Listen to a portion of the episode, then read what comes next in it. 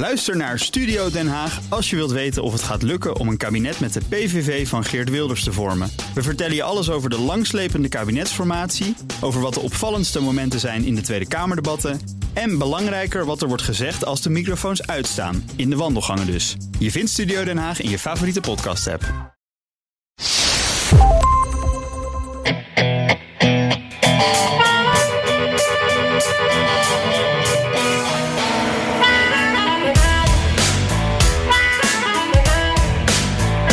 Frankrijk is de oudste Amerikaanse bondgenoot. Daar bleek de afgelopen week weinig van toen president Biden tot verbijstering van president Macron een militair verdrag met Groot-Brittannië en Australië aankondigde. Our nations will update and enhance our shared ability to take on the threats of the 21st century, just as we did in the 20th century, together. Dat verdrag voorziet in de levering van Amerikaanse nucleaire onderzeeërs aan Australië. Daarvoor annuleerde Australië een in 2016 getekende order van 50 miljard euro met Frankrijk voor 12 conventionele onderzeeërs, dus op diesel. Veel Europese leiders vinden dat Biden door de mand valt. America is back betekent kennelijk iets anders dan samen optrekken met Europa. Frankrijk riep zijn ambassadeurs terug uit Australië en Amerika. Het was één onderwerp op een lijst van vele tegenslagen die Biden de afgelopen week moest incasseren. De president zit in het nauw. Dit is aflevering 95 van de Amerika-podcast. Mijn naam is Bernard Hammelburg. Vanuit Studio New York met een beker lekkere koffie. Of zit op dat zinnetje inmiddels auteursrecht. ik wou zeggen, Bernard, je haalt me de woorden uit de mond. Maar vooruit. ik ben uh, Jan Posma, uh, inderdaad uh, ook met een bekertje koffie aan mijn eettafel in Washington. weer klaar voor mijn favoriete moment van de week, Bernard. Zo is dat. En we beginnen met goed nieuws. Dat is... dat doen we altijd graag, ook als er zoveel nare dingen gebeuren. Wij mogen weer reizen. Ik, en met wij bedoel ik iedereen. het, ja, het, Nederlandse ja. volk, Europeanen, mogen allemaal weer naar de Verenigde Staten. Dat, daar hebben we echt heel lang, anderhalf jaar of zo, op gewacht. Fantastisch, toch Jan? Ja, zeker. Echt heel goed nieuws. Uh, we hebben er ook veel vragen over gehad hè, van luisteraars de afgelopen anderhalf jaar. Uh, die grens bleef maar dicht. Wanneer verandert dat nou eens? Hebben jullie een indicatie? Nou, het was steeds compleet onduidelijk wanneer het zou gebeuren. Nu is het dan aangekondigd vanaf november. En, en ja, vooral die luisteraars dus, die hun Amerika-reis al heel lang aan het plannen zijn... is dat heel goed nieuws. Maar ook Nederlanders in Amerika... Uh, waarvan ik er zelf ook eentje ben. Jij natuurlijk ook, maar je hebt een green card, net weer wat anders. Um, iets makkelijker om heen en weer te reizen, maar uh, voor mensen op bepaalde visa, waaronder een journalistenvisa, uh, visum, maar ook veel andere voorbeelden, ja, was het heel erg lastig. Want je, je kon wel het land uit, wel Amerika uit, maar je kon, je kon dan daarna, ja, je kon er niet meer in. Nee. Dus we zaten een beetje vast dus, hier. Dus je kon, je kon je ouders gaan knuffelen, maar je moest zo lang blijven dat het ook weer niet werkte. Ja, precies. Ik heb een, een hele uh, een goede vriend en collega. Die zit op dit moment in, in Nederland vast. Want toen, je, nou, als je terug wil komen, dan heb je een niet-verklaring nodig. En, en dan, mag je weer, uh, dan mag je weer het land in. En nou, daar moet je een goede reden voor hebben. Hij heeft dat. Maar hij zei van ja, toen ik hier kwam uh, in Nederland, ik wilde maar een paar weken. En die, die wachtlijsten die zijn ineens gigantisch opgelopen. Omdat er natuurlijk heel veel mensen zijn die met zo'n verklaring proberen heen en weer te reizen. Om familie te zien, voor werk, wat dan ook. Ja. Dus die zit nu al een paar weken vast. Ja. Nou ja, dat, dat, is een risico. Dat kan je niet altijd nemen okay, natuurlijk. Oké, nou, wat is het nog? Wat is het? Zal het zijn 34, 37 nachtjes slapen? Ja, eh? ja. En ook wel interessant ben het, want er zijn ook nog wat onduidelijkheden. Ja. Hè? Want een exacte datum Precies, er staat, er staat in, vanaf november, maar niet welke november. Ja. Ja, precies. En wat, wat ik ook nog wel, want we hebben het vaak over die, die vaccins uh, hier natuurlijk. Maar uh, AstraZeneca, is dat nou geldig? Want de, de FDA uh, in Amerika heeft dat nog niet goedgekeurd. Dus dat weten we ook nog niet. Nee. En ook nog de vraag van, ze zeggen volledig gevaccineerden mogen dan reizen. Maar ja, tegen die tijd zijn heel wat mensen ook, die hebben een boostershot nodig. Uh, dus wanneer ben je dan volledig gevaccineerd in november? En ja, die Amerikanen die zitten ook nog niet aan de QR-codes of zo. Dus ik, er zijn nog wel wat vraagjes om te beantwoorden. Nee, nee overigens hebben hier in New York hebben ze wel zo'n QR-code. Want dat zie ik iedereen op zijn mobieltje. Ja, jullie ja. lopen voor inderdaad. Ja, ja, ja, ja. We, we waren... uit eten met een vriendin. En die, die, woont hier en die had zo'n zo'n New Yorkse QR-code. Want je moet, als je een restaurant binnen wil, moet je die overal laten zien. Hè? Dus hmm. nou ja, dat, het, het, lijkt precies op wat wij hebben. Dus. Maar goed, dat is dan niet in de rest van Amerika.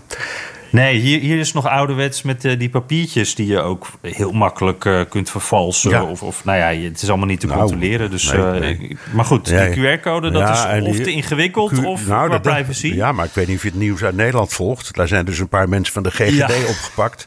die gewoon QR-codes aan het vervalsen waren. Ja, ja. Ook weer waar. Ja, ja, ja, ja, ja. ja. Jan, we gaan natuurlijk zo praten over de groeiende lijst van problemen voor Biden. Maar eerst wil ik uh, dolgraag jouw ervaring horen op de J6-demonstratie in Washington waar je bij was. J6, dat is 6 januari, die dag waarop het kapitool werd bestormd. Ja, precies. En, en dit was dan Justice voor uh, die mensen, Justice voor J6. En dat uh, werd georganiseerd door een campagne, oud campagnemedewerker van Donald Trump. Niet een heel bekende trouwens. Het was bij het Capitool. En dit was de eerste keer sinds uh, de bestorming van 6 januari... dat daar een, een, nou ja, ik wou zeggen grote demonstratie... komen we zo nog wel op, een demonstratie werd gehouden. Dus de, de politie stond echt op scherp. de hekken werden weer teruggeplaatst rond het Capitool. er werden allemaal uh, agenten ingevlogen. Er stond een hele lange rij met van die uh, zoutstrooi vrachtwagens, weet je wel. Die zetten ze daar dan neer, zodat niemand erop in kan rijden. Dat er geen aanslagen kunnen worden gepleegd. Nou, de, de, de, de stad stond weer een beetje, een beetje op scherp. Uh, in ieder geval rond het kapitool, omdat ze bang waren voor uh, iets, geweld, wat dan ook. Ze hadden, de geheime dienst hadden weer wat op de, de Telegram-groepen en dat soort plekken gezien. En uh, ja, uiteindelijk, uh, nou laat ik eerst even vertellen hoe, wat daar dan verteld wordt. Um, want dat is ook wel interessant. Het begint dan met: uh, dit is geen politieke bijeenkomst, zeggen ze dan. Dit gaat om de mensen die vastzitten. Dus de mensen die na 6 januari uh, in de gevangenis terecht zijn gekomen, opgepakt door de FBI omdat je uh, nou eenmaal niet het Huis van Parlement mag bestormen in een democratie. Um, maar goed, dat noemen ze dan wat anders. Ze gaan het er dan vooral over hebben dat het oneerlijk is dat die mensen zijn vastgezet. En nadat ze dus gezegd hebben van dit is niet een politieke bijeenkomst, gaan ze helemaal los op Nancy Pelosi, op de liegende media die samenwerken met de Democraten en de FBI. Het is een groot complot. het gaat over de gestolen verkiezingen weer. nou, en, en dan komt het er uiteindelijk op neer dat die bestormers die vastzitten, uh, die worden dan politieke gevangenen, gevangenen genoemd. Uh, en nou ja, ik citeer maar even, die zitten vast op dit moment in de gulag van Washington, zo, wordt dat genoemd. Ja. ja. En, en vervolgens wordt er echt enorm selectief ook teruggekeken op die dag. Het gaat niet over het geweld. Niet, niet, uh, ze zeggen alleen, nou, wij zijn hier vandaag, zijn we hier vreedzaam... dus waarom doet iedereen zo moeilijk? Maar ze hebben het niet over 6 januari. Het gaat wel over uh, de agenten die toen hebben uh, ingegrepen. En uh, ja, het, het, gaat er dan over dat, dat die mensen dus allemaal nu vastzitten en dat hun mensenrechten worden geschonden. Ze mogen niet met hun advocaten praten. Ze, mogen, ze krijgen niet goed te eten. Het werd uiteindelijk uh, een vergelijking die we veel te vaak horen de laatste uh, weken, maanden ook. Werd het vergeleken met dit is erger dan hoe Joden werden behandeld tijdens de Tweede Wereldoorlog door de nazi's. Dus dat was de retoriek daar. Vreselijk. Um, ja. Ja, en dan moet ik zeggen, uh, uh, dat laatste ga ik natuurlijk niet uh, goed praten. Maar we moeten wel zeggen, het Amerikaanse gevangenissysteem is natuurlijk ook echt barbaars, niet prettig. Barbaars. Ja, precies, precies. Ja. Maar dit is dan hele selectieve verontwaardiging, omdat hun familieleden daar nu vastzitten. Terwijl dit ook de mensen zijn die dus normaal gesproken zeggen: van nou, zet ze maar lekker vast, die misdadigers. maar nu dus even niet. Dus het was, het was een rare sfeer, Bernard. Ja, en op de achtergrond natuurlijk toch de grote Donald die hier duidelijk zijn vinger in had. Hè? Ja, precies. Dit is, dat is ook wel weer typisch. Want de, uh, laat ik sowieso zeggen, er waren geen Trump-vlaggen. Dit was echt op dat punt uh, heel anders dan, dan Trump-bijeenkomsten... of dan die, die drie grote, die enorme protesten die, die we eerder hebben gehad... waaronder dus ook die, die bestorming uiteindelijk uh, in, in uitmonden. maar als je met mensen praat het gaat altijd over die gestolen verkiezingen. Trump is hun held. Uh, de, de, dat staat echt uh, als een paal boven water aan welke kant van het politieke spectrum uh, deze mensen zitten. En was ook wel interessant, want de vraag was van tevoren ook van... nou, zegt dit misschien iets over de steun voor Trump? Kijk hoeveel mensen er komen, wat zou dit betekenen? Nou, en uiteindelijk waren er... Um, ik geloof dat de politie zei 450 mensen, dus dat is heel weinig. En ik moet je ook zeggen, er was heel veel media. Dus misschien wel de helft was media.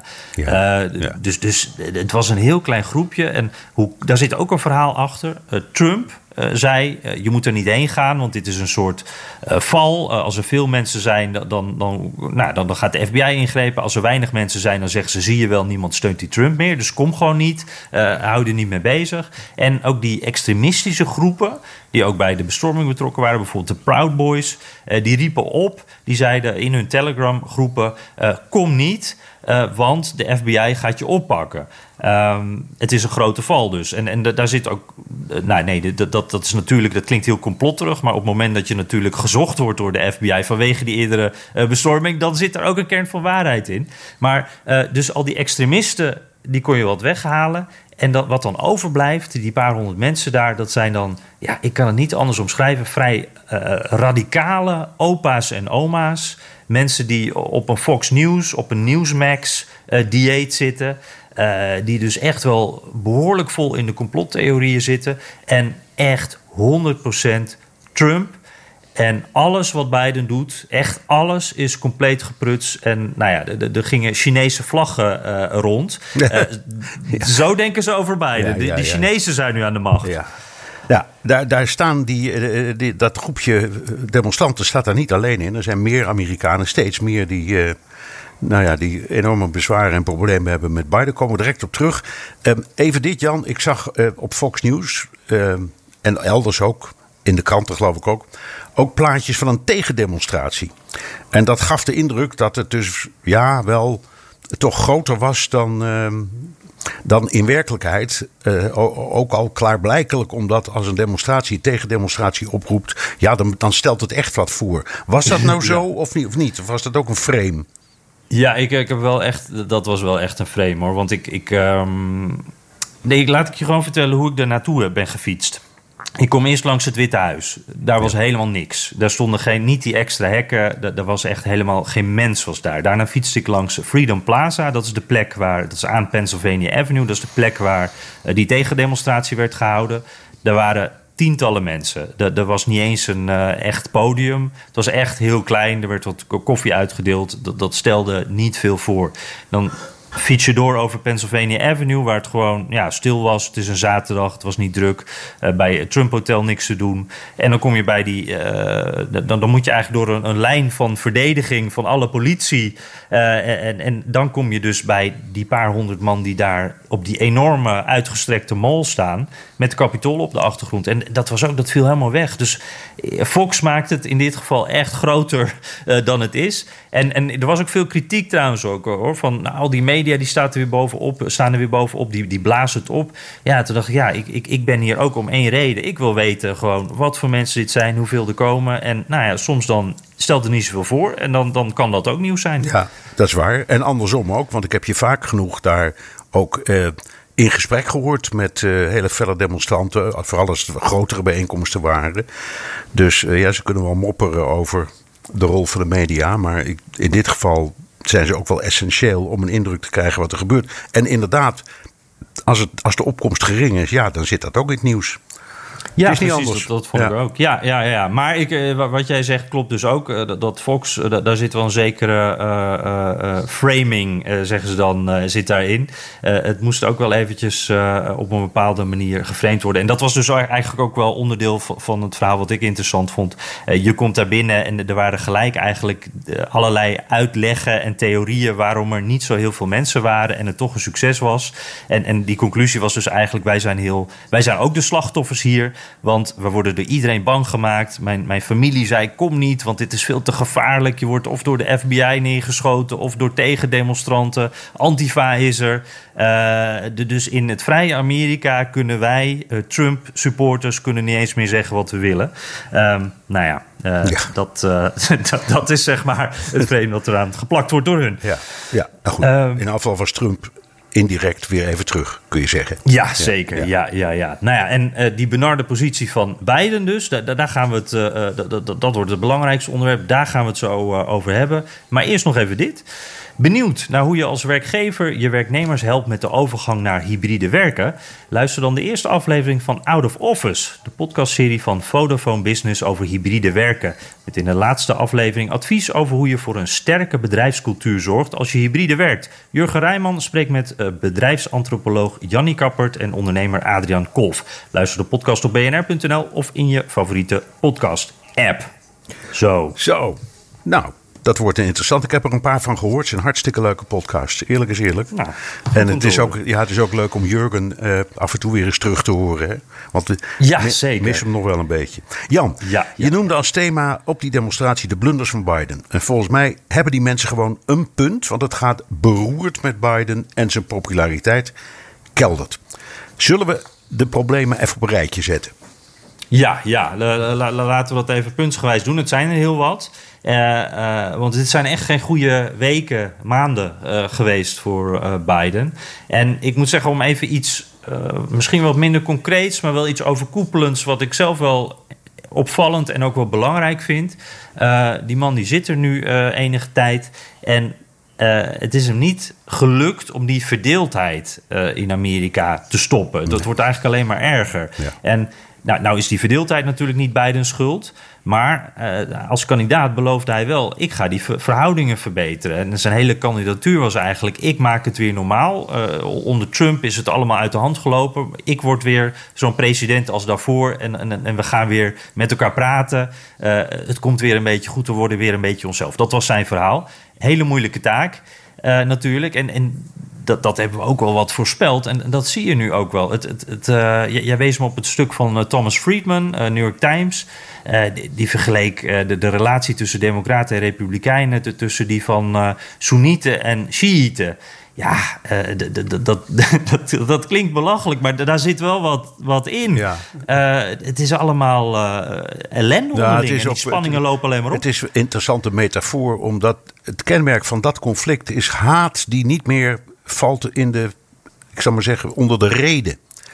Hmm. Uh, dus je kunt, die, die, die twee groepen uh, moslims kunnen onder elkaar nog met zoveel redelijke pogingen komen, maar het wordt altijd weer weggemapt omdat ze ja, tot, aan, tot de verkeerde bloedgroep horen. En die haat is enorm. En ik vond het dus wel, ja, ik vond het een opvallende vergelijking. En ik schrok ervan en tegelijkertijd dacht ik, je hebt nog een punt ook. Friedman. Ja, dit, dit is dat, dat, dat tribalisme. Hè? Het, het, het, het is het, de kleur van je shirtje is zeg maar belangrijk. Bij welke club je hoort. Uh, en, en, en dan maken argumenten niet, niets meer uit eigenlijk. Nee, nee. Uh, zal een tijd zo. Maar uh, goed, dat is in ieder geval iets. Ja, Biden die zei van daar ga ik wat aan doen. Ik zie het niet. Dat komt ook natuurlijk omdat het...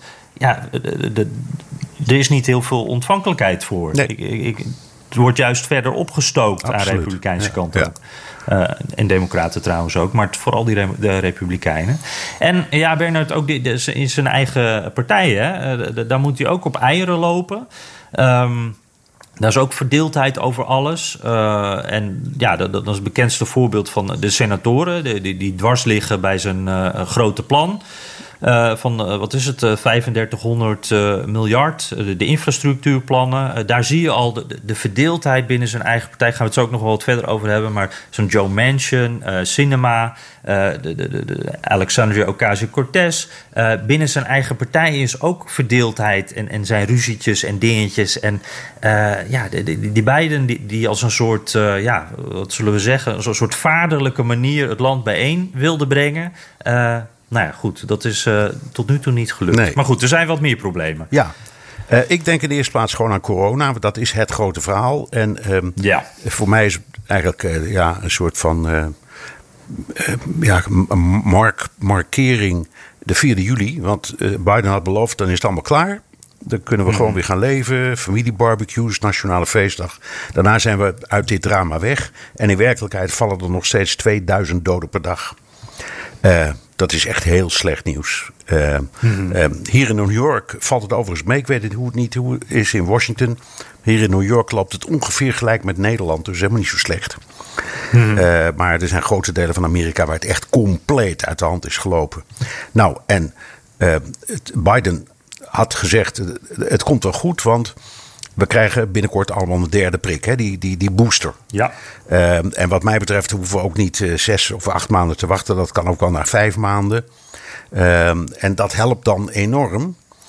En nu is hij door zijn eigen medische autoriteit eigenlijk op de vingers getikt. Want die zeggen: ja, nee, maar dat gaan we niet doen. Ehm, we houden het voorlopig op de zwakkeren en op uh, de generatie 60 plus. En dan pas na zes maanden. Uh, Dus die, nou ja, het laatste woord is er nog niet over gezegd. Maar het is op dit moment natuurlijk een enorme tegenvaller. Zeg maar een geweldige zepert. Je kan het niet anders zeggen. Want dit is natuurlijk het probleem dat de meeste mensen het meest treft. Je hebt er elke dag allemaal mee te maken, op wat voor manier dan ook. Ook als je tegen vaccinatie bent, het maakt niet uit. Het zit elke dag boven in je hoofd en het staat prominent op je agenda. Nou. En Bernard, dit, dit lijkt ook eigenlijk heel erg op, op waar we het net over hadden, die verdeeldheid. Hè? Dat, dat heeft er heel erg mee te maken. Want hier ook, eh, Biden heeft een boodschap, mooie boodschap. Uh, maar een deel van het land is er gewoon niet gevoelig voor, voor die boodschap. Die hebben nog steeds er geen zin in. Nee, nee je hebt, nou ja, er was, er was hier uh, om de hoek op Broadway in New York. Uh, eergisteren geloof ik een enorme rel bij een uh, restaurant. Ja, dat heb ik gezien. Ja, dat werd vechten. Ja, daar kwamen dus drie uh, vrouwen uit Texas en die wilden een restaurant in. Ehm, en eh, nou, toen vroeg die juffrouw bij de, ehm, bij de ingang: mag ik eventjes je vaccinatiebewijs zien? Nou, dat hadden ze niet. En daar ontstond een vechtpartij. Het waren zwarte vrouwen. En die en, en nu is het vreemde zo onmiddellijk dat dit een, een racistische actie is. Nou moet je weten dat als je kijkt naar dat restaurant. We waren toevallig gisteravond stonden we er voor de deur. Bijna iedereen die daar komt is zwart. En het personeel ook voor een groot deel. Dus het zegt helemaal niks. Het is echt, het is echt een buurtrestaurant, Italiaans. Uh, maar we zijn wel allemaal een beetje geschrokken, eerlijk gezegd. Want het gebeurt ook niet zo vlak voor je neus meestal. En nu dus wel. En Black Lives Matter demonstreerde dus meteen. Ja. En, en, en zo, zo zie je hoe, hoe ongelooflijk gepolitiseerd dat is. Nou ja, dat is dus een enorm probleem. Nou, dan heb je nog een paar... alles escaleert. Ja. en, en trouwens nog, eh, en het gevolg daarvan is ook de economie nog natuurlijk. Hè? Want dat, dat corona gebeuren heeft ook een enorm economisch uh, gevolg. Want zolang we in, hierin blijven hangen, gaat die economie niet helemaal open. En dat was eigenlijk de, de, nou ja, de, de, de beloning die Biden uh, in het vooruitzicht had gesteld. Ja, en precies. En ook de grondslag voor de begroting. Hè, de groei. Dus dat moet je dan ook zien. Nou, dan had je nog een paar andere uh, afschuwelijke dingen. Die droneaanval in Afghanistan. Dat was in die verwarring uh, toen Amerika zich terugtrok en er plotseling een aanval kwam op uh, Amerikaanse militairen. Toen heeft Amerika een droneaanval uitgevoerd. En wat iedereen al dacht is nu bevestigd. Er zijn een hoop onschuldige burgers bij gedood, inclusief zeven kinderen. Ook niet handig. Op, uh, nee, nee, vreselijk. En dan überhaupt de naweeën van dat Afghanistan-drama. Dat, dat is, die zijn echt enorm groot. Uh, en dan Jan, die brug. Die brug in Texas. De hele wereld ziet er beelden van. Een brug in Texas met tienduizenden migranten eronder. Waarvan de meeste Haitianen. Wat, ja, wat een ja. ongelooflijk verhaal. Ja, dat is echt vreselijk. Ik ben daar, eh, zoals je weet, uh, ik weet niet meer hoeveel, een tijdje geleden, een paar maanden geleden, uh, ben ik daar ook geweest, ook bij die brug. En toen liepen daar wel mensen, toen waren er migranten, maar, maar zoals dit. en ik heb ook wel beelden gezien trouwens van, van dat dat inderdaad, dat is ook een soort, ja, een, een, een, soort opvangplek geworden, omdat ze geen andere plek hebben. Dan worden die mensen daar maar neergezet. Het, het, is, het is echt vreselijk. En um, dat, dat ook voor, ja, voor, voor die mensen eh, in de eerste plek natuurlijk. Want dit is, zijn echt uh, nou, mensonterende toestanden. En, en voor, voor ook in politieke zin. Het, uh, nou, daar kom ik zo nog wel op. We moeten misschien eerst even uitleggen waarom het Haitianen zijn. Ja, precies. Zijn, want hoe zijn, komen, het zijn ja. heel veel Haitianen. En ik denk volgens mij ligt Haiti, ik zou maar zeggen, richting Curaçao. En, en, ja. en, en niet richting Mexico. Dus hoe zit dat? Ja, precies. Want het waren altijd uh, nou, mensen uit Midden- en, en, en, en Zuid-Amerika. En, en deze Haitianen, ja, die, die hebben natuurlijk een heel... Uh, die hebben echt een hele moeilijke periode gehad daar natuurlijk. Met, met uh, aardbevingen. de, de, de, de politiek is het daar heel instabiel. de situatie was daar al heel slecht. Ja. De, dus ja, die, die zijn allemaal gevlucht. En die komen dan via een omwegje daar bij de grens uit. Die horen van Biden ja, optimistische geluiden over we gaan het anders doen dan Trump. Uh, dezelfde reden eigenlijk dat dat ook mensen vanuit uh, Midden-Amerika, nou, waardoor er meer een stroom is ontstaan. Die, die, verhalen worden dan ook aangezet hè, in de tamtam en soms ook door de, de, de couriers en de smokkelaars die, die dat extra aanzetten zodat ze meer business hebben. Dus ja, die komen daar dan aan en die, die hopen dan op, op een, een beter leven in Amerika. Vaak ook, dat hoor je ook wel hoor, het, het zijn enorm, die verhalen worden ook aangezet dat zijn echte gouden bergen en, en de met goud uh, geasfalteerde wegen. Ja, ehm, ja. ja, zo is het natuurlijk niet. Uh, maar, maar, maar, ja, de, groot, de, ze zoeken iets. Die mensen zijn wanhopig. En, en dat, ja, dan zoeken ze dat in Amerika. En ja, de, de beide regering, die, die wil dat natuurlijk niet. Dus die Haitianen die worden nu in, in vliegtuigen gestopt en, en teruggevlogen naar Haiti. Um, Waar ze dus weer in hetzelfde drama terechtkomen als dat ze ontvlucht zijn. Ja. En, en je ziet dat, we hebben ook, zien ook plaatjes van die vliegtuigen. Het is een soort luchtbrug geworden. Zie jij nou een verschil, Jan, tussen de muur van Trump en de luchtbrug naar hun geboorteland van Biden? Ja, ja, ja. Ik, ik, ik, um, nou, ik, in, in, letterlijke zin, eh, eerst maar eventjes, vind ik nog steeds die muur van Trump vooral iets symbolisch. Hè? Trump zag het anders, maar, maar zo'n muur, dat, was ook vooral, het, het, werkt op sommige plekken wel, maar, maar het was ook een belangrijk symbool van we doen er iets aan. Maar als ik kijk, eh, in dit, dat zin is het dus anders, maar als ik kijk naar, naar het beleid nu, dat, verschilt, dat verschilt niet zo. Die, grenzen zitten dicht. Dat, dat, is eigenlijk heel uh, Trumpiaans. Eh, en het is, uh, ja, het, is nu weer, het zijn meer mensen en het is weer daardoor ook weer vol in beeld. En de, chaos daaromheen, dat, dat is ook wel, uh, ook die beelden, die heb je ook gezien, hè, van die grensbewakers te paard bij zo'n rivier. Um, en, en ik, ik, ja, wat ik zie is dat, dat uh, democraten, die, die vinden dit vreselijk. Maar die, die, op een bepaalde manier kijken die ook een beetje weg voor mijn gevoel. Er is wel boosheid, maar, maar niet zoals bij Trump. Waarbij er echt mensen woedend waren. En, en dit, dit, vinden ze toch wel moeilijk. Want dit is hun president, dit is Biden. Uh, hij beloofde dat hij het anders zou doen. Het zou humaner worden. Ja, dat is dit niet. Dat is uh, dit helemaal niet. En terwijl Trump natuurlijk met dit soort beelden... Uh, ook wel goedkeuring kreeg in zijn eigen achterban. Van kijk eens, hij is in ieder geval streng, hij doet er wat aan. Uh, zie je nu vooral dat, dat, democraten hier dus niet blij mee zijn, maar die weten ook niet helemaal wat ze ermee aan moeten. Nee. En, en republikeinen lachen ook een beetje in hun vuistje, want die denken van ja, het is nu jouw probleem. Zie je wel, en Trump deed het beter. Zie je wel. Ja, precies. precies. Nou, ja. En uh, ze hebben nog een punt ook, tuurlijk, gelijk. Ja. ja, ja, ja. ja want ik vind die, die, die, dat beeld, die beelden die we nu zien. We hebben natuurlijk ook wel vreselijke beelden gezien van de grens onder, uh, onder Trump. Maar het is nu wel weer echt grote chaos. Ja. Dit, dit uh, ja, dat, en en uh, het is ook al zo lang. Het is natuurlijk ook een probleem wat al veel langer, ook voor Biden er al was. Maar er lijkt echt niks te gebeuren onder Biden. Nee. En dat is toch wel kwalijk. Vreselijk, ja. Nou. Ja. Hey, en dan hebben we nog AUKUS. Ja. De, dat, dat uh, defensieverdrag. Ja. Je, je had het er al over. Het duikbootdrama, uh, zeggen we hier in Washington al. De, de, dat is, daar zijn heel wat mensen boos ja. over.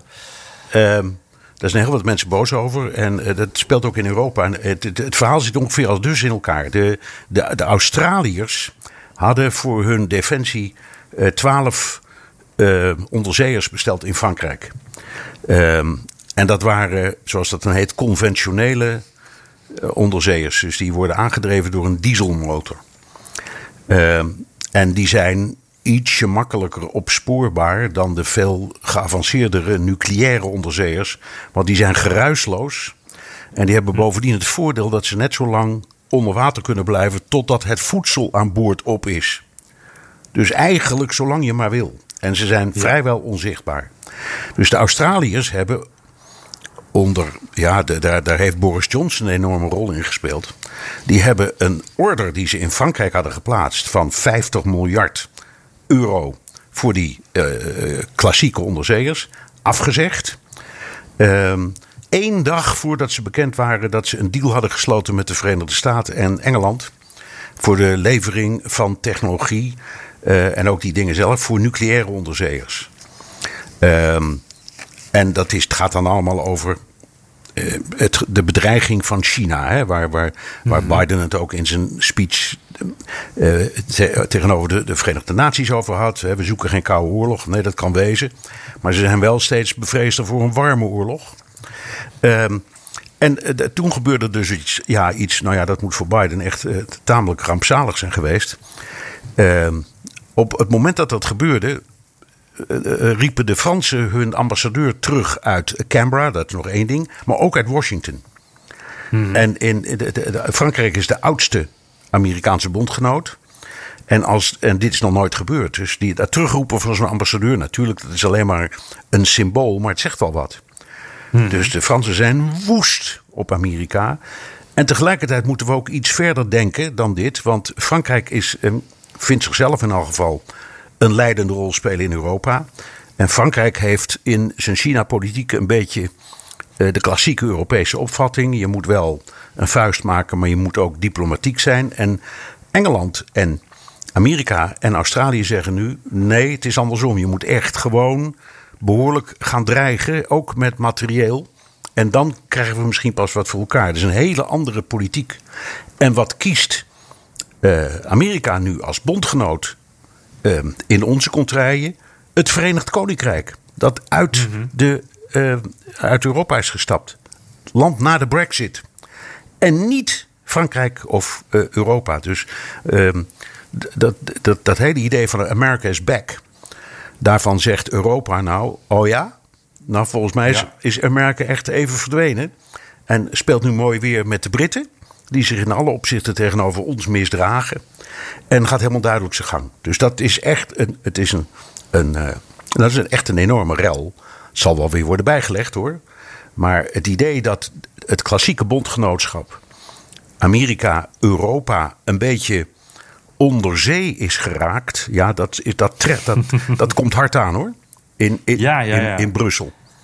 Want in hoeverre denk jij, eh, kunnen we dit als een incident zien? Of is dit iets wat we, we meer gaan zien? Is dit de nieuwe lijn? Nou, ik denk dat, kijk, de, de Fransen zijn in de eerste plaats boos vanwege het geld. Denk ik. Ja. Ik denk dat dat eh, meer betekent dan het principe wat hier speelt. Ik moet zeggen dat als het verhaal klopt, de lijn van Mark Rutte wel handig is geweest. Die had een ontmoeting met uh, Boris Johnson.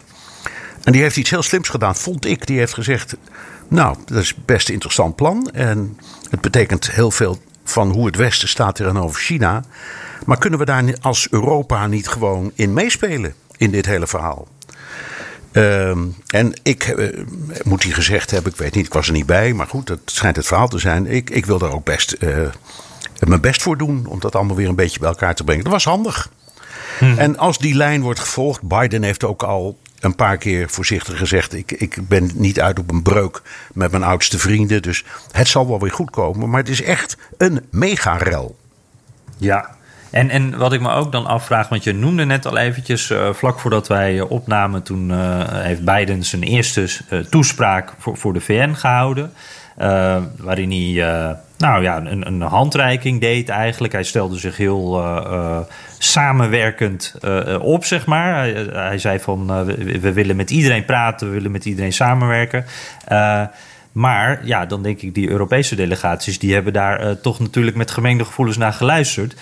Is het nou zo uh, dat dit. Die, die, beiden hebben we al meer America First van gezien de laatste tijd. Uh, dat, dat we kunnen zeggen van, nou ja, dat verschil met Trump is niet altijd zo groot als dat de, ja, de, de toon doet uh, vermoeden. een hele mooie toon net in die speech. Maar zit er onder dat laagje diplomatie, diplomatie misschien toch meer America First nog dan we vooraf hadden gedacht? Ja. En, en ook uh, politiek opportunisme. Dus de keuze voor Engeland, zou ik maar zeggen, is ook een hele belangrijke. Uh, het is niet, zoals Johnson zelf vindt, een beloning voor het feit dat hij uh, uit de Europese Unie is gestapt. Want zo denken de Amerikanen, denk ik helemaal niet. Ja, Trump deed dat wel, maar Biden zeker mm -hmm. niet.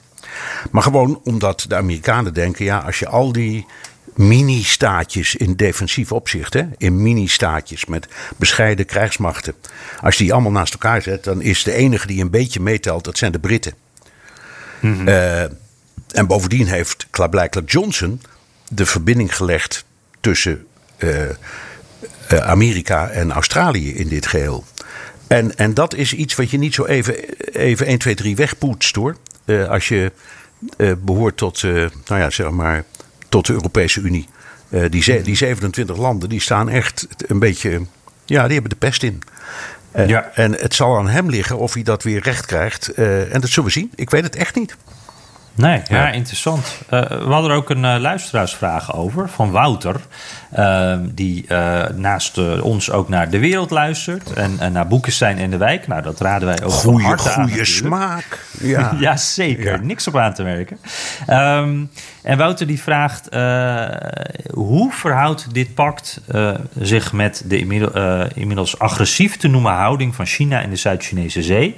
Is het een ad hoc schakel in de oorzaak-gevolgketen? Of is dit gepland in de grotere balance of power dynamiek? Ja, ja, nou het antwoord is dat laatste lijkt mij.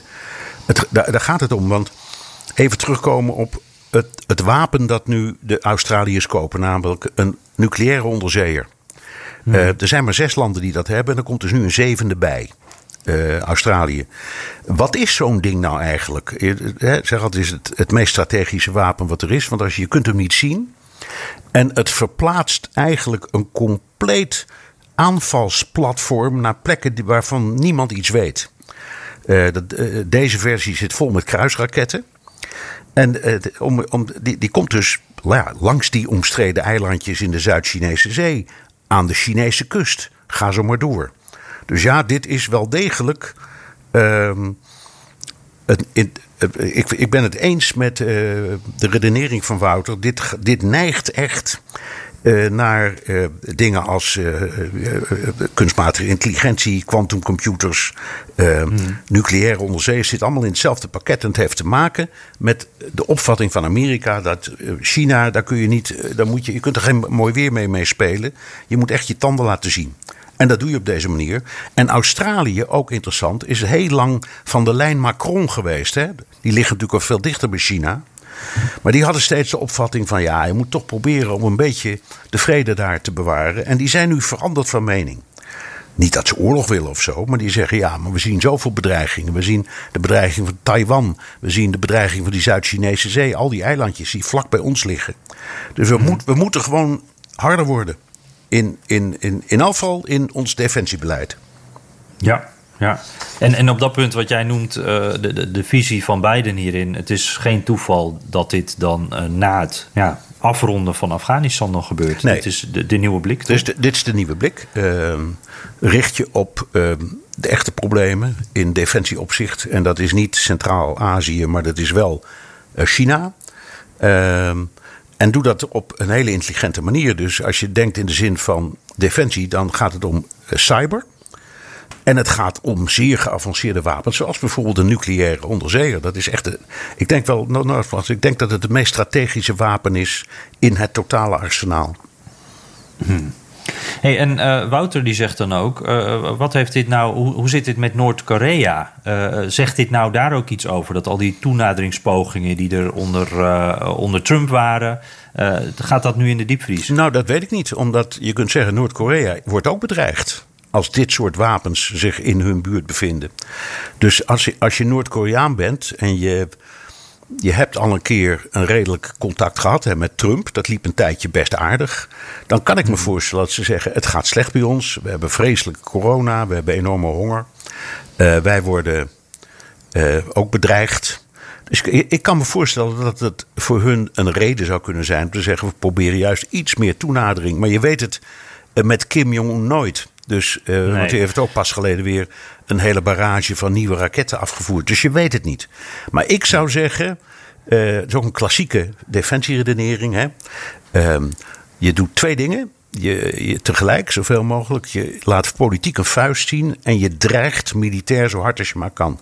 En die combinatie moet dan leiden tot ontspanning uiteindelijk. Uh, en maar eens kijken of het werkt. Ja, nou, uh, lijkt mij helemaal duidelijk. Uh, dank in ieder geval voor uh, deze vraag, Wouter. Ja, en dan, ja. ja dan goed. Ehm, we kijken we komen even terug op Biden en al zijn problemen. De enige waar hij zou kunnen scoren is als het hem lukt om die begroting van 3500 miljard dollar door de Senaat te krijgen. Je sprak er straks al even over, ook in Bidens eigen partij zijn er wijfels en twijfels. En bij de Republikeinen natuurlijk ook. En toch, ik heb het gevoel dat dit een beetje het, de kwestie is. Waar, daar, daar staat of valt alles mee op dit moment voor Biden. Zie je dat ook zo? Ja, ja, ja. dit is. Uh, uiteindelijk is er maar één ding dat, dat geldt. Uh, wat belangrijk is voor die Amerikanen zelf, voor die Amerikaanse kiezers. En dat is hoe het uh, in het binnenland gaat. Uh, en, en dan heb je natuurlijk corona, waar jij mee begon. Dat is heel, heel belangrijk. Maar dit is ook zo'n punt. Biden die wil iets kunnen laten zien als er straks weer midterms zijn. En die midterms die komen echt. het voelt nog ver weg, maar die komen echt alweer dichterbij. Ruim een jaar, jaar al. november ja, precies. Jaar, ja. Ja, dus je, ik merk al een klein beetje in, in de retoriek uh, op sommige vlakken dat het, uh, dat het begint al op te starten. Ja.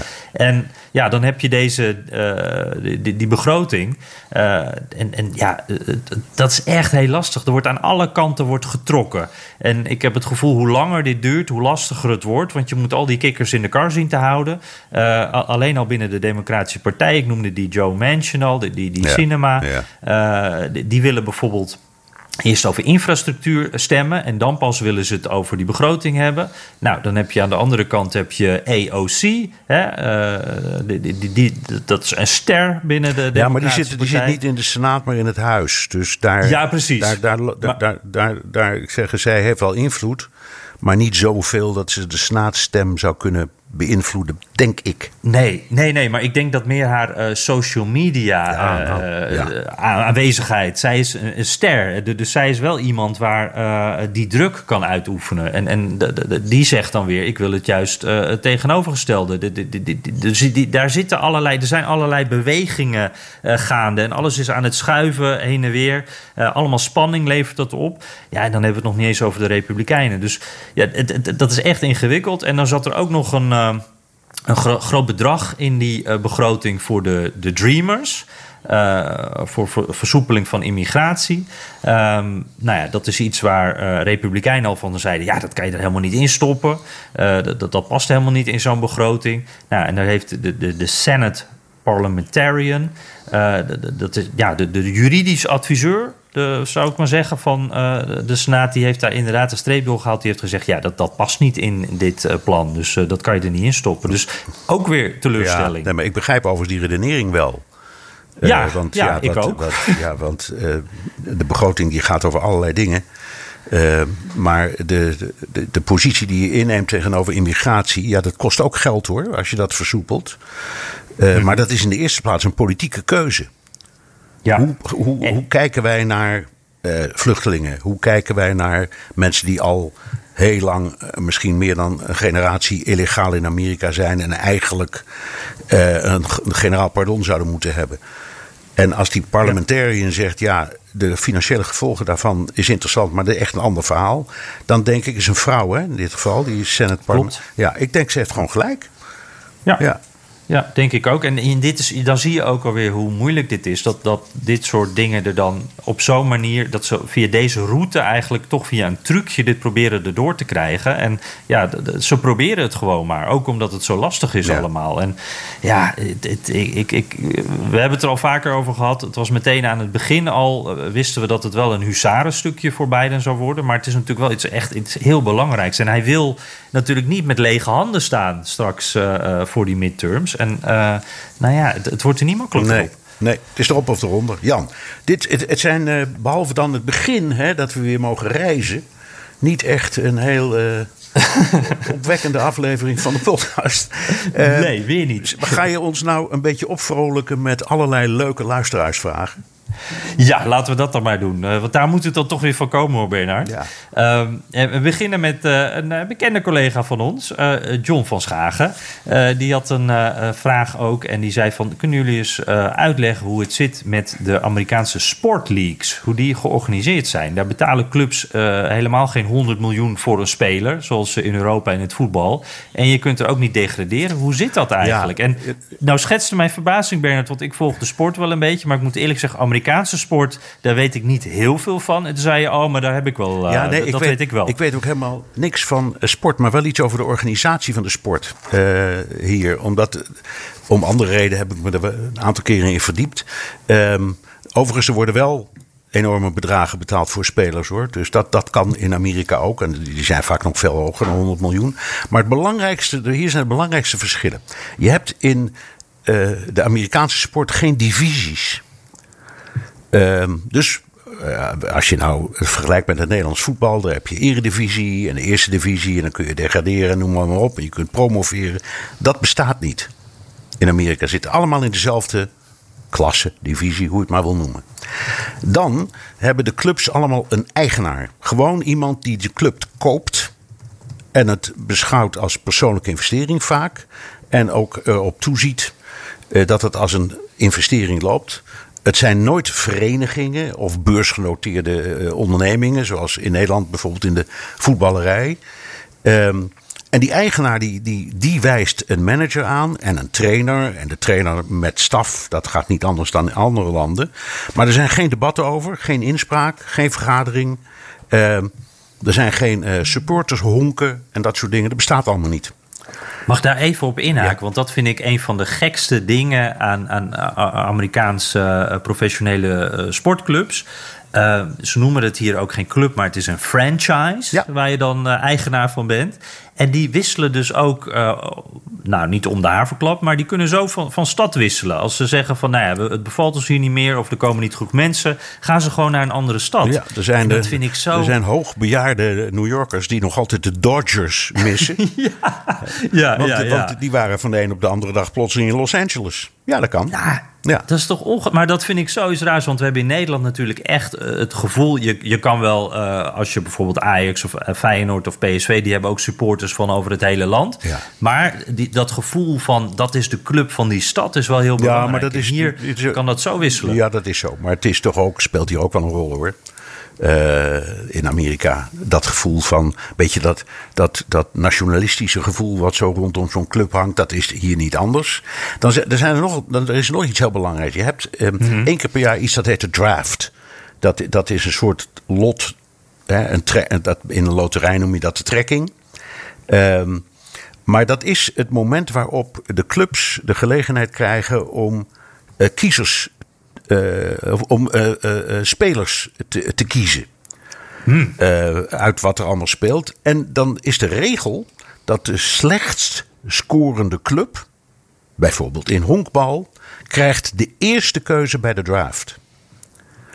Ja, en op ja, die dus het, het, grootste talent gaat, het, kan dan het naar de grootste talent gaan. gaat naar de slechtste club.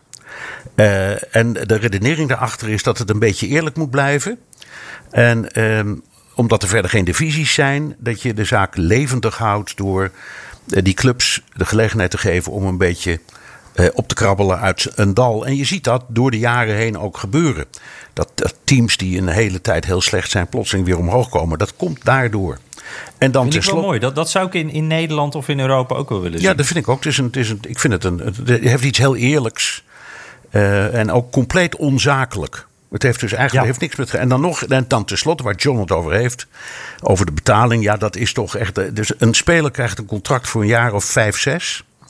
Bij een club. En daarna is hij een free agent. Dat betekent dat hij um, verkocht zichzelf te koop stelt.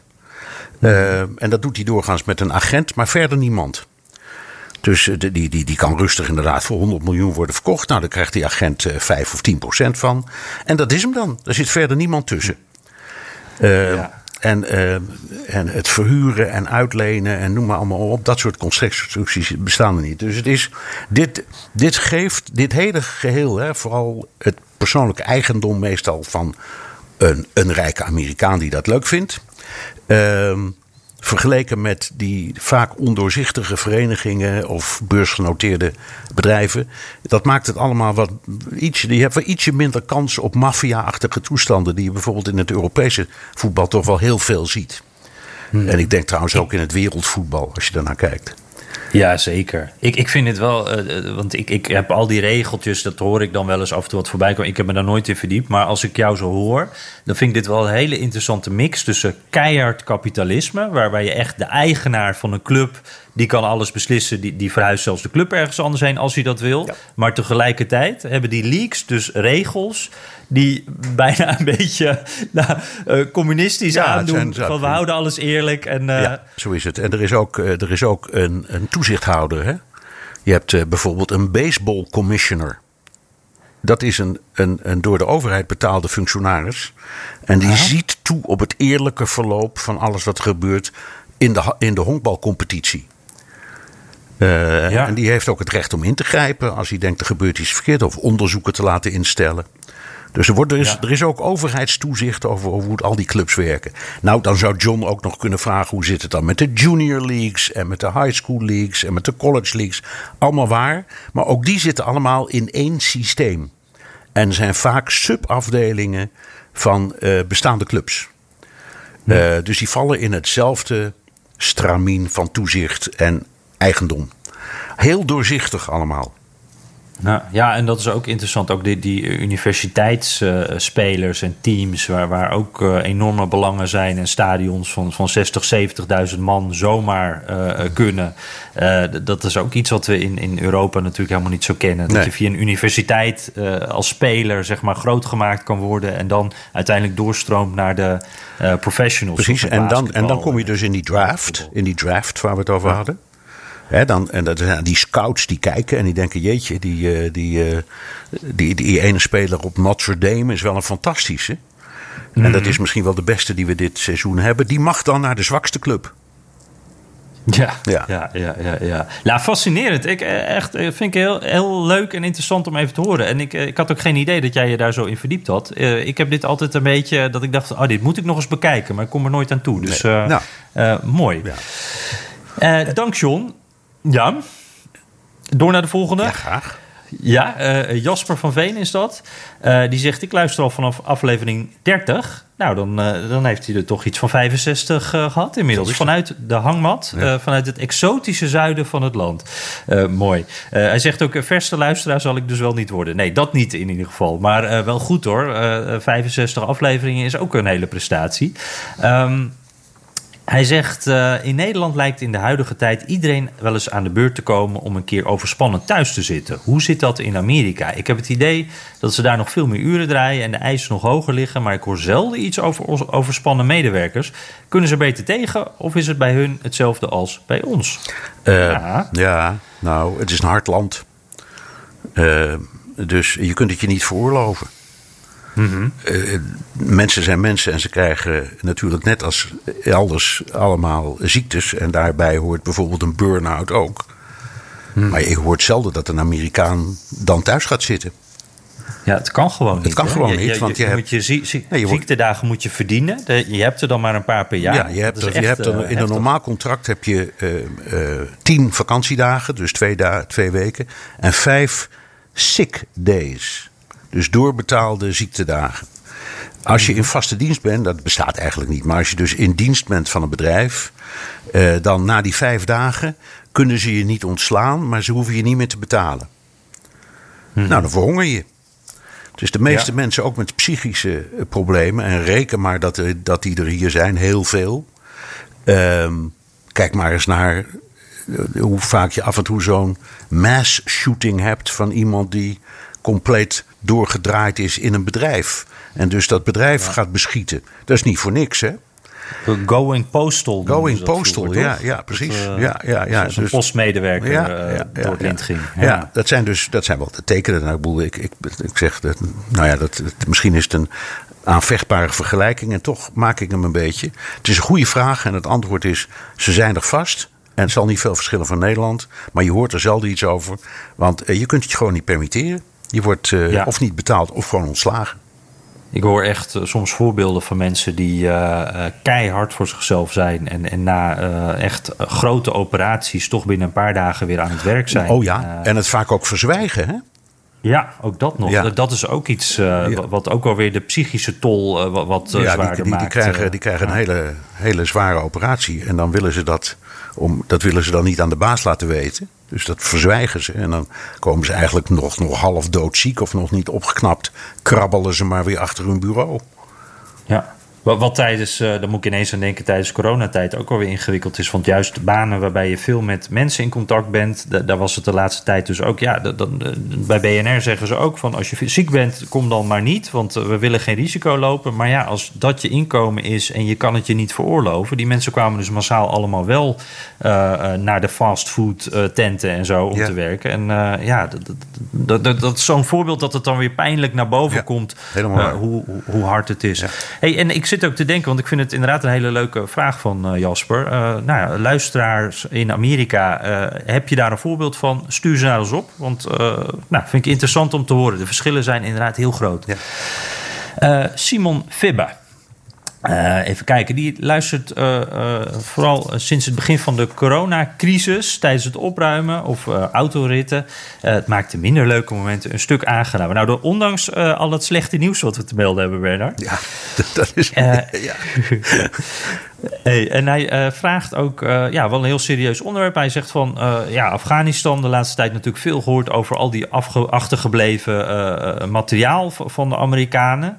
Um, toen, zei die, toen moest ik gaan denken, uh, uh, ja, toen dacht ik aan, aan de terugkerende, uh, het terugkerende onderwerp van de Amerikaanse weerzin tegen centrale volksadministratie. Want ja, er liggen daar ook iris-scanners, databases die allemaal blijven liggen. Nu vraag ik me af, hoe kijkt men in de VS naar het achterblijven van dit soort apparatuur en gegevens? Is dat überhaupt een issue? Ehm, ik denk het wel. En als ik goed begrijp, is ook door die 6000 soldaten die in de laatste fase van de Afghanistan-bemoeienis daarheen zijn gestuurd, alsnog. Uh, heel veel uh, moeite gedaan door die mensen om dit soort apparatuur uh, on, te, te, vernielen, stuk te slaan, mm -hmm. de, de chips eruit te halen, ga zo maar door. Zodat ze door de Taliban, die ze misschien in handen krijgt, of anderen niet meer bruikbaar zijn. Of dat helemaal gelukt is, weet ik niet hoor. Maar ik denk dat ze daar behoorlijk radicaal in zijn geweest. En bovendien zit aan dit soort dingen natuurlijk ook een andere kant. Een, een, een, een database of uh, een scanapparatuur. Ja, dat, daar, daar zit ook een, een IT-infrastructuur achter. En die staat gewoon in Amerika. Dus daar kun je de gegevens in wijzigen en dan werkt het allemaal niet meer. dus je mhm. kunt er een heleboel aan doen. Maar ik begrijp de vraag wel hoor. Hoe kan het zijn dat je überhaupt, of dat nou met een iris-scanner is of met een vingerafdruk. Uh, of met het laten zien van je rijbewijs. Hoe kan het zijn in een, een land dat tegen centrale volksadministratie is, er toch methodes zijn om je te uh, identificeren? Ja. Uh, dat, dat, dat is niet helemaal logisch. En dat is waar. Dat gebeurt. Ja. Ja, ja, ja. En uh, nou ja, goed. En, en het, het ligt gewoon echt super gevoelig in de VS natuurlijk. elk voorbeeld, elke foto van een uh, een Taliban-strijder met Amerikaans materiaal. Dat gaat dan niet om iris-scanners, maar ook helikopters nou, die ook klaar zijn gemaakt. En, al die, en, al, en al die pick-up trucks natuurlijk. Hè. Dat was uh, ja. ja. dat soort dingen. En de Humvees. Ja, ja, heel pijnlijk. Het ligt zeker wel heel gevoelig hier. Ja. Um, hey Bernard, volgens mij moeten we uh, er een einde aan maken. In ieder geval aan deze podcast. Want, want uh, jij hebt zo ook weer een andere afspraak. En ik ook volgens mij. Ja, ja. Dus, jammer. Alleen nog veel brieven over. Uh, ja. Bewaar je die? Ja, zeker. Okay. Uh, en we kijken even of we daar volgende week weer een selectie uit kunnen maken. Want we zijn er natuurlijk heel blij mee. Laat ik dat nog even gezegd hebben. Ja. Heb je er nog recensies, Jan? Uh, ja, die heb ik ook nog. Maar uh, Bernard, even, even geef mij een momentje. Want uh, die had ik er natuurlijk eventjes meteen bij moeten pakken. dat ben ik vergeten. Nou, druk op de maar, knop. En boem, ja. daar springen ze in beeld. Zit je in Apple Podcast. Laat ik even beginnen met Anton DW. Die zegt een high-class podcast. Nou, fantastisch. Ed Rob, die geeft ook vijf sterren. Die zegt op naar de 500. Elke week genieten. Dus hopelijk nog heel veel meer vijf sterren voor jullie. dat is, oh, dat is grappig. De naam is Ed Rob, maar het is ondertekend door Joyce Kroon. Dus in ieder geval dank je daarvoor. sensatieloze podcast uit Deventer, Amsterdam. En dan denk je van, oh, dat klinkt alweer niet zo goed, maar het zijn vijf sterren. en hij zei, deze persoon die zegt, ja, door spek met achtergronden, weetjes, geschiedenis vind ik heel interessant. En ook blij dat jullie het niet altijd over Trump hebben, want daar ben ik zo klaar mee. Ook met die destabiliserende elementen van Amerika. Uh, nou, daar hebben we het dan nu eventjes over gehad. Ik hoop dat je dat kan, nou, dat, dat, je daar eventjes doorheen kon bijten, Deventer Amsterdam. En ik heb ook nog even een hele strenge, één ster, Bernard. Oh jee. Um, ja, en, en ik las hem. Ik dacht, ah, het is alsof ik mijn Twitterfeed lees. Verlengstuk van CNN. Deze podcast lijkt een verlengstuk van CNN met alle bijbehorende hypocrisie, Biden-verheerlijking en fake news. Jan en Bernard doen zich, vooral, uh, doen zich voor als deugdelijke mensen, maar houden zich daarbij strak aan het links-liberale narratief. Zeker geen verrijking om naar te luisteren en journalistiek onwaardig. Josh van den Broek. Nou, uh, ja. Josh, als je de volgende keer uh, er even op terug wilt komen en ons wil uitleggen wat je dan precies uh, journalistiek onwaardig vindt en waarom het een verlengstuk is van CNN, dan vind ik het nog wel goed om daar even op terug te komen. dan horen we dat graag. Ja. Terugluisteren kan via de BNR-site, Apple Podcast of Spotify. Heb je vragen, opmerkingen, kritiek of complimenten, dan kan dat ook met een tweet naar Jan Postma USA of BNR De Wereld of heel ouderwets met een mailtje naar dewereld.bnr.nl. Ja, en uh, laat ons ook even, zoals altijd, weten hoe je naar ons luistert en waar. En als je dus een Amerikaan uh, bent, en, of een Nederlandse Amerikaan, en je hoort dit en je hebt nog wat te vertellen over jouw arbeidsomstandigheden of hoe dat nou werkt in de praktijk, dan horen we dat graag. En uh, ja, qua arbeidsomstandigheden, Bernard, jij gaat nu vliegen naar een interview, figuurlijk dan, want het is VN natuurlijk, dus dan heb jij het altijd druk met de wereld. Ja. Kan je al een tipje van de sluier op? zeker, zeker, zeker, zeker. We hebben, ja. we hebben donderdag in BNR De Wereld Um, een interview met Joke Brandt. Dat is de ambassadeur bij de VN. Of eigenlijk heet dat permanent vertegenwoordiger. Hè, want het is geen ambassade, maar goed, dat is alleen maar een terminologie. Uh, en dat is ontzettend leuk. Uh, aanvankelijk zouden we dat natuurlijk hebben gedaan. Uh, toen we aan de voorbereiding waren met Sigrid Kaag. Maar die is inmiddels afgetreden. Die zou komen. Ja. en er is wel een tijdelijke oplossing. En naar ik hoor wordt nu, deze dagen, wordt Ben Knapen als tijdelijk opvolger uh, aangewezen. Maar er is dus nu geen minister naar New York gekomen. En dus heb ik gevraagd of de ambassadeur dat interview wil doen. En dat wil ze graag doen. Uh, en er zijn hele leuke dingen te vertellen. Uh, en ook hele boeiende dingen, denk ik. Dus we kijken met plezier naar uit. En ik ga het, Ja, ik ga het zo dadelijk opnemen. Nou, ik ben heel benieuwd. En, en jij moet inmiddels rennen om daar op tijd eh, eh, bij aan te komen. En even snel eh, de metro, denk ik. Dus ik ben Ja. heel benieuwd. Luisteren naar BNR De Wereld. En volgende week zijn wij dan weer.